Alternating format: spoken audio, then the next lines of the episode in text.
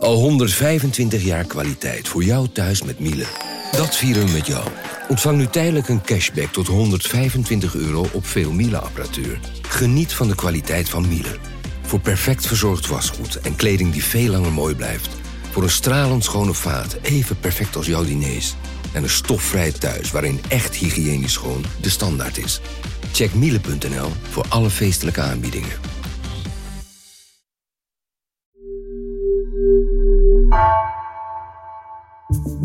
Vanaf de redactie van NRC het verhaal van vandaag. Mijn naam is Floor Boon.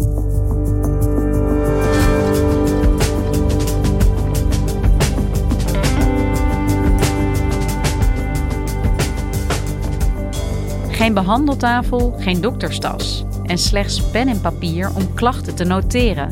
In de crisisopvang voor asielzoekers is goede zorg ver te zoeken, terwijl detacheringsbedrijf Arts en Specialist er wel veel geld aan verdient. Lucas Brouwers onderzocht de wereld achter de zorg voor asielzoekers en zag een duur en inefficiënt systeem. Hoe heeft het zover kunnen komen?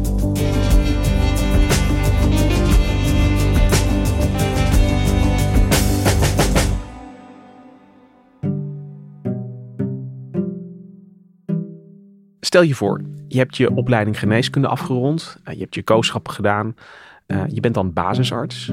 Je ziet deze zomer op tv beelden van Ter Apel, van vluchtelingen die daar in het gas moeten slapen, die niet uh, daar naar binnen komen. Er is geen plek voor. Ik zat net deze twee banen in toen het veel op het nieuws was over de asielopvangcrisis in Ter Apel. Er wordt een crisisnoodopvanger door het hele land geopend. Dat kan uh, in mijn crisisnood van een oude sporthal zijn of een oude kazerne of in ieder geval een gebouw waar in, initieel niet echt mensen horen te wonen. En ja, daar moet iets van zorg worden georganiseerd en geregeld.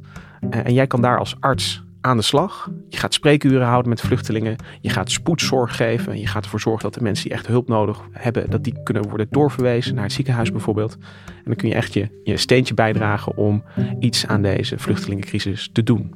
En dan kom je daar op je eerste dag dan wordt je gezegd van, nou ja, hier is een kamertje, daar kan je spreekuur houden. En er was een hokje van 2 bij 2,5 met een bureau uh, zonder ramen en één deur aan de zijkant. En daar, uh, dat was de artsenkamer. En um, ja, daar stond nog een klein laadje met paracetamol en ibuprofen. Maar dat was het eigenlijk wel. Er was geen computer. Er uh, lag een klapblok op tafel. Ik had mijn eigen stethoscoop meegenomen en ook mijn eigen laptop. Je hebt ook geen team om je heen ja, je hebt een telefoonnummer gekregen van een huisarts ergens in het land met de boodschap: als er iets is waar je niet uitkomt of je wil overleggen, bel dit nummer. En ja, dan begint het. En toen kon eigenlijk iedereen uh, gewoon maar binnenkomen lopen of aankloppen van... oh, ik wil de dokter zien. Er was niet een wachtrij of een spreekkamer... of iemand die een beetje overzicht hield wie er als eerste aan de beurt was. Dat overkwam deze arts dus. Ze is een jonge vrouw, 30 jaar... Um, en ging aan het werk onder, onder deze omstandigheden.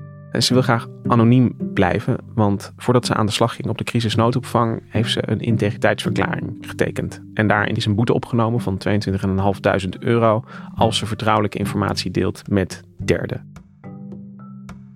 Waarom ik met haar wilde praten is omdat ik schrijf over ongelijkheid en gezondheid. En ik zag die beelden ook vanuit Ter Apel komen deze zomer. Dat daar noodhulporganisaties eh, neerstreken om medische hulp te geven. En nadenken en ik realiseerde ineens dat ik helemaal niet wist hoe zorg überhaupt georganiseerd was voor asielzoekers, voor vluchtelingen. Met die vraag begon ik.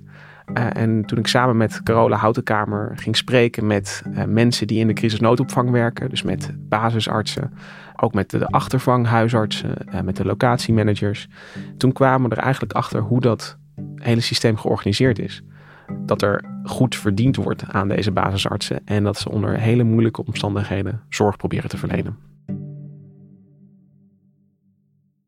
En hoe kwam deze jonge, op dat moment nog heel onervaren arts terecht in, ja, de, de naam zegt het al, crisisnoodopvang? Zij werd benaderd door een detacheringsbureau, arts en specialist. En die hadden een ja, contract afgesloten met het COA om op deze locaties, die dus door het hele land worden geopend, zorg te geven. En als je in een asielzoekerscentrum zit, daar is zorg geregeld. Daar is uh, houdt een huisarts spreekuur bijvoorbeeld. Op deze nieuwe plekken die geopend worden niet. Dus daar moet iets komen. En arts en specialist, een detacheringsbureau, die nou ja, nog niet heel erg lang artsen detacheert. In de coronacrisis dat wel heeft gedaan. Dus die hebben artsen geplaatst in teststraten, vaccinatiestraten. Maar de coronapandemie loopt een beetje op zijn einde. Dus binnen het bedrijf wordt ook een beetje gezocht van oké, wat moeten we nu? Waar kunnen we nu artsen plaatsen? En eigenlijk gaat de coronapandemie, we gaan over in een, uh, de eerste vluchtelingencrisis met Oekraïnse vluchtelingen, waar uh, ook weer zorg voor geregeld moet worden. En daarna de, de algehele asielcrisis in de zomer. En dus springt arts en specialist in deze markt en plaatst basisartsen op deze locaties. En wat houdt zo'n basisarts precies in? Als basisarts ben je arts. Je mag het beroep uitoefenen. Maar je hebt nog geen specialisme uh, gevolgd. dus je moet eigenlijk nog drie, vier jaar uh, specialiseren als je een, een, specialist wil worden. Huisarts is ook een specialisme. Dus je zit daar eigenlijk nog een, een beetje tussen. Maar je mag aan het werk. Wat ze daarbij ook meteen verkopen is ja, de, de supervisie, de achterwacht. Dat is een, dat telefoonnummer dat ik even noemde van die huisarts ergens in het land. Die je kan bellen dat is een systeem, een pakket dat wordt verkocht door arts en specialist. Ja, dus voor mijn begrip, normaal gesproken, als een basisarts een specialisme gaat volgen, dan ja, beland je in een plek waar er veel supervisie is. En in dit geval is dat alleen maar heel erg geregeld op afstand. Ja, er zijn geen hele officiële regels of richtlijnen, maar in de praktijk zie je gewoon dat een basisarts altijd in een organisatie terechtkomt met een team eromheen, met ja, begeleiding dichtbij. En hier is dat soberder georganiseerd. Je hebt dat telefoonnummer van een arts die misschien ook nog met zijn eigen praktijk bezig is. Dus niet altijd goed te bereiken. Die, die soms zegt van ja, ik heb liever dat je alleen even een appje stuurt en alleen belt in noodgevallen. Um, dus dit is echt supervisie light, zou ik willen zeggen. Er zit een soort discrepantie in de zorg die van ze verwacht wordt en die ze kunnen leveren. En dat is eigenlijk iets wat we van heel veel artsen hoorden. Dat ze aan de ene kant komen ze in een complexe situatie terecht. En mensen die net in een nieuwe opvanglocatie komen. Dit zijn mensen die een ontzettend lange, heftige reis achter de rug hebben. Zijn vaak ook gevlucht vanuit oorlogssituaties. Sommige mensen waren neergeschoten destijds en zijn nu weer in Nederland. Ja, dat, dat zijn mensen die zijn heel kwetsbaar en die hebben vaak hele lange tijd geen zorg gehad. En dit is vaak het eerste moment dat ze daar toegang tot hebben. En wat je dus ook mist, of wat we hoorden dat de basisartsen missen, is ja, toch dat team om je heen, wat je normaal gesproken wel hebt, wat eventjes bij je in kan checken van hey, uh, gaat het wel met jou? Heb je, heb je vandaag iets meegemaakt of gehoord of gezien uh, waar je het nog even over wil hebben? Dus die collegiale zorg eigenlijk, die je ook normaal gesproken hebt als je zorgverlener bent, dat ontbreekt ook voor een heel groot gedeelte. En dit en nog eens een situatie waar je alleen zorg verleent. Dus waar je je ook heel erg onzeker voelt in, in wat je doet. En je hebt dus geen supervisie. En het zijn dus nog mensen met een extreem ja, heftige achtergrond en die een hele kwetsbare groep zijn en veel hebben meegemaakt. Ik merkte dat ik het heel erg mee naar huis nam en um, ja, dat het me wel uh, uh, wat slapeloze nachten heeft bezorgd. Dus je ziet dat de omstandigheden die zijn moeilijk en tegelijkertijd wordt er toch goed geld aan deze mensen verdiend. Hoeveel verdient zo'n organisatie als arts en specialist hier aan?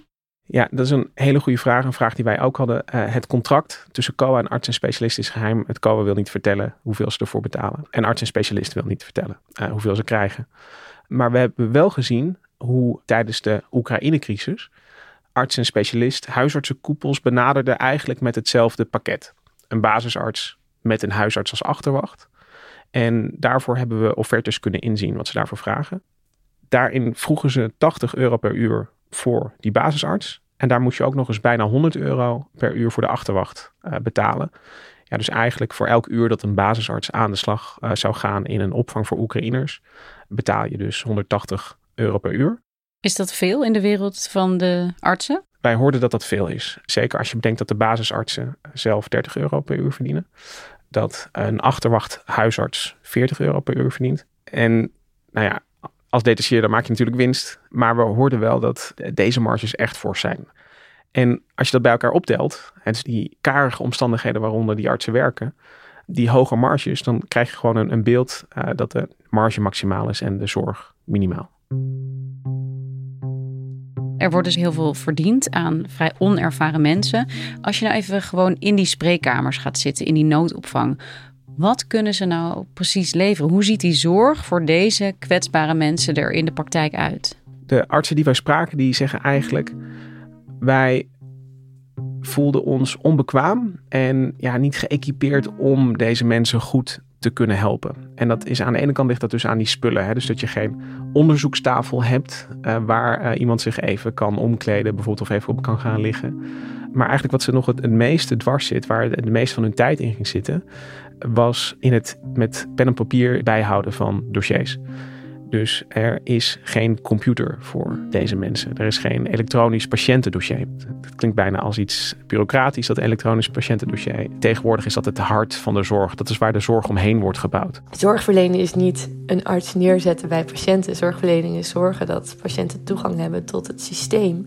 Uh, en ja, als je geen elektronisch patiëntendossier hebt, dan, dan dat is al de poort. Als je dat allemaal op pen en papier gaat doen, kwamen deze basisartsen er gewoon door te doen achter dat het helemaal niet meer aansluit op hoe de Nederlandse zorg is ingericht. Dus bijvoorbeeld, je wilt iemand verwijzen naar een specialist in het ziekenhuis. Ja, daar begint de ellende al, want mensen hebben geen nummer gekregen nog van het COA bijvoorbeeld. dus, dus hoe moet het ziekenhuis gaan registreren wat ze over deze patiënt horen? Hoe krijgen ze de informatie die de arts in de spreekkamer heeft opgehaald? Hoe komt die daar? Ik was soms de hele ochtend bezig voor één patiënt om alleen maar bloed geprikt te laten krijgen en te zorgen dat ik die gegevens ergens kon achterhalen. Dat die niet op een blaadje werden meegeschreven en ergens uh, verloren raakten. En dat was, ja, in sommige gevallen gaat het om iets kleins. Om, maar soms als, als je patiënten hun hartwaarde wil controleren of schildklierwaardes, ja, dat zijn best wel heftige gevallen die je goed in de gaten moet houden alle artsen die we spraken zeggen eigenlijk, er gaat zoveel tijd in zitten in het gewoon in het bellen, in het uh, uitleggen, in het overtuigen. En ja, het kan gewoon gebeuren dat in de tussentijd wel die patiënt voor je zit met pijn of angst. Die, die ook niet helemaal begrijpt wat er aan de hand is. En voor de patiënt was het vaak heel frustrerend, omdat die ook merkte dat ze dachten: Oh, ik ben nu bij een dokter, nu krijg ik zorg. Um, maar ook alsnog dat we heel vaak tegen dingen aanliepen waardoor er toch nog steeds veel vertraging in zat, waardoor de uitslagen niet bij ons doorkwamen. Ja, dat was ontzettend frustrerend natuurlijk. Wat we bijvoorbeeld hoorden, dat een basisarts iemand met hevige pijn zelf probeert daar een ambulance voor te laten komen. Een vrouw met pijn in haar zij. En dat ze eigenlijk aan de telefoon met de spoedeisende hulp van het ziekenhuis een discussie kreeg over geld. Van, van inderdaad die vragen kwamen van wie gaat dat betalen. Dat zijn allemaal voorbeelden van situaties waar je kunt zeggen, ja, de gezondheid van, van de vluchteling staat hier niet uh, voorop. Het gaat allemaal over het, het, het systeem eromheen. Daar gaat alle energie in zitten en niet in het helpen van die mensen elke zorgprofessional, een, uh, of nou verpleegkundige is of een dokter, die zet zich natuurlijk keihard in om zo goed mogelijk de zorg te verlenen zoals je geleerd bent en zoals je wat je wil betekenen en kan betekenen voor die mensen. Maar als je daarin heel erg wordt tegengehouden omdat een systeem totaal niet is opgetuigd, ja, dan kan je jezelf vier keer in de ronde werken. Maar dan doe je eigenlijk vier keer zoveel werk dan je eigenlijk normaal gesproken had moeten doen, waardoor het je veel meer energie kost met veel minder resultaten. En die inefficiëntie zit eigenlijk in, in het hele systeem zoals het nu is opgezet. Want een, een basisarts die vooral aan het, aan het bellen is, uh, met, met papieren dossiers bezig, aan het opzoeken, proberen mee te sturen, proberen uh, achter een vertrokken asielzoeker aan te sturen. Dat is allemaal, ja, ik wil niet zeggen nutteloze tijd, maar het kan efficiënter, het kan beter. En het is gewoon duur om dat op deze manier te doen. 180 euro per uur.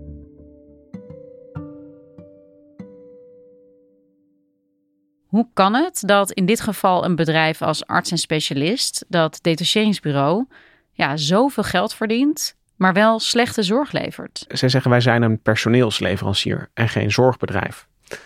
Dus wij zijn verantwoordelijk voor ja, het vinden en het plaatsen van de persoon. En verder ja, de randvoorwaarden die er nodig zijn om goede zorg te geven.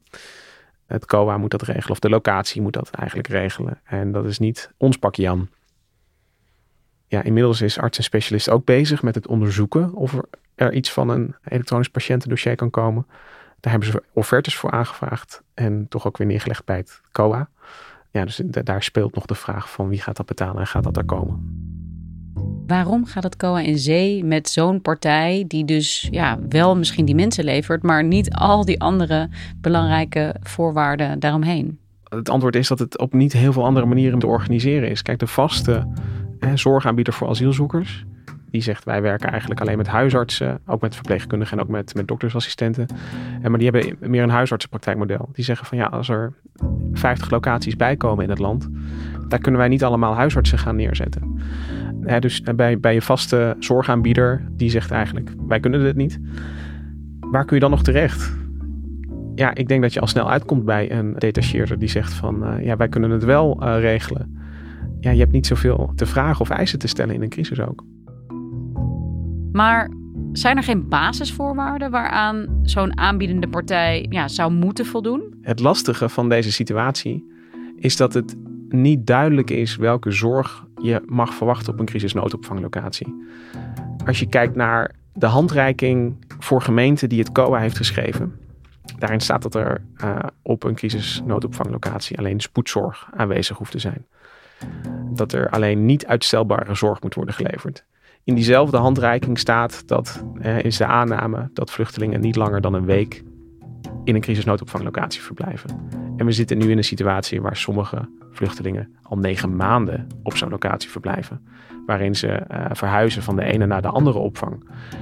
Dus die vraag, hè, lever hier spoedzorg, waarvan je nou best zou kunnen zeggen van ja, een basisarts die dat voor een week daar doet, prima. Maar ze komen in een situatie terecht waarin er veel meer van ze wordt gevraagd. dus om ziektes te managen, om medicijnen uit te geven. En ja, dat, dat, dat past gewoon niet meer. Ja, het is natuurlijk crisis in de asielopvang, dat weten we. Alleen is het inmiddels ook best wel lang al crisis. Daar moet toch op enig moment een keer een oplossing voor komen. Wanneer zou daar iets verder vooruit kunnen worden gedacht? Ik, ik denk dat je met, zeker met de hele kwestie rondom asiel, dat uh, ligt op zoveel manieren politiek gevoelig, dat ook de, de verleiding om daarop te bezuinigen toch altijd groot is. En dat heeft er ook mee te maken dat in de tijd dat het geen crisis is, dat er dan heel snel en hard vaak bezuinigd wordt. Dat er locaties worden gesloten. Dat je eigenlijk de buffercapaciteit in je opvang verliest. Als je geen buffer hebt en de instroom neemt toe, neemt snel toe. Ja, dan, dan sta je als COA, als overheid, ben je ineens de vragende partij. En dan betaal je hoge prijzen. En de Algemene Rekenkamer heeft in januari ook al gewaarschuwd van, van dit wordt echt een, een forse uh, kostenoverschrijding uh, dit jaar als het gaat om de kosten voor asielopvang.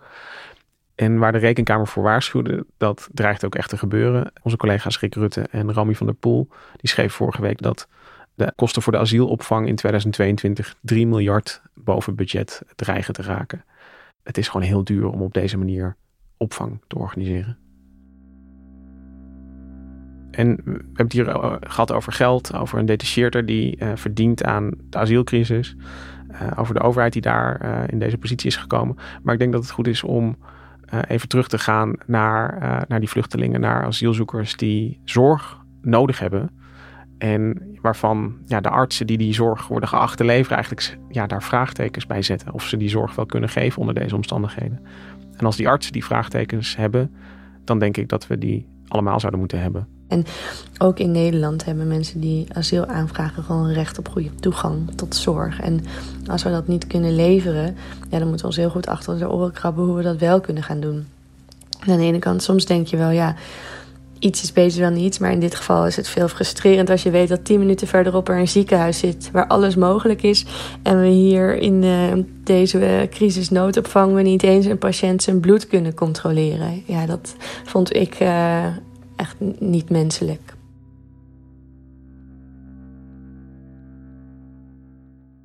Dankjewel, Lucas. Dank je.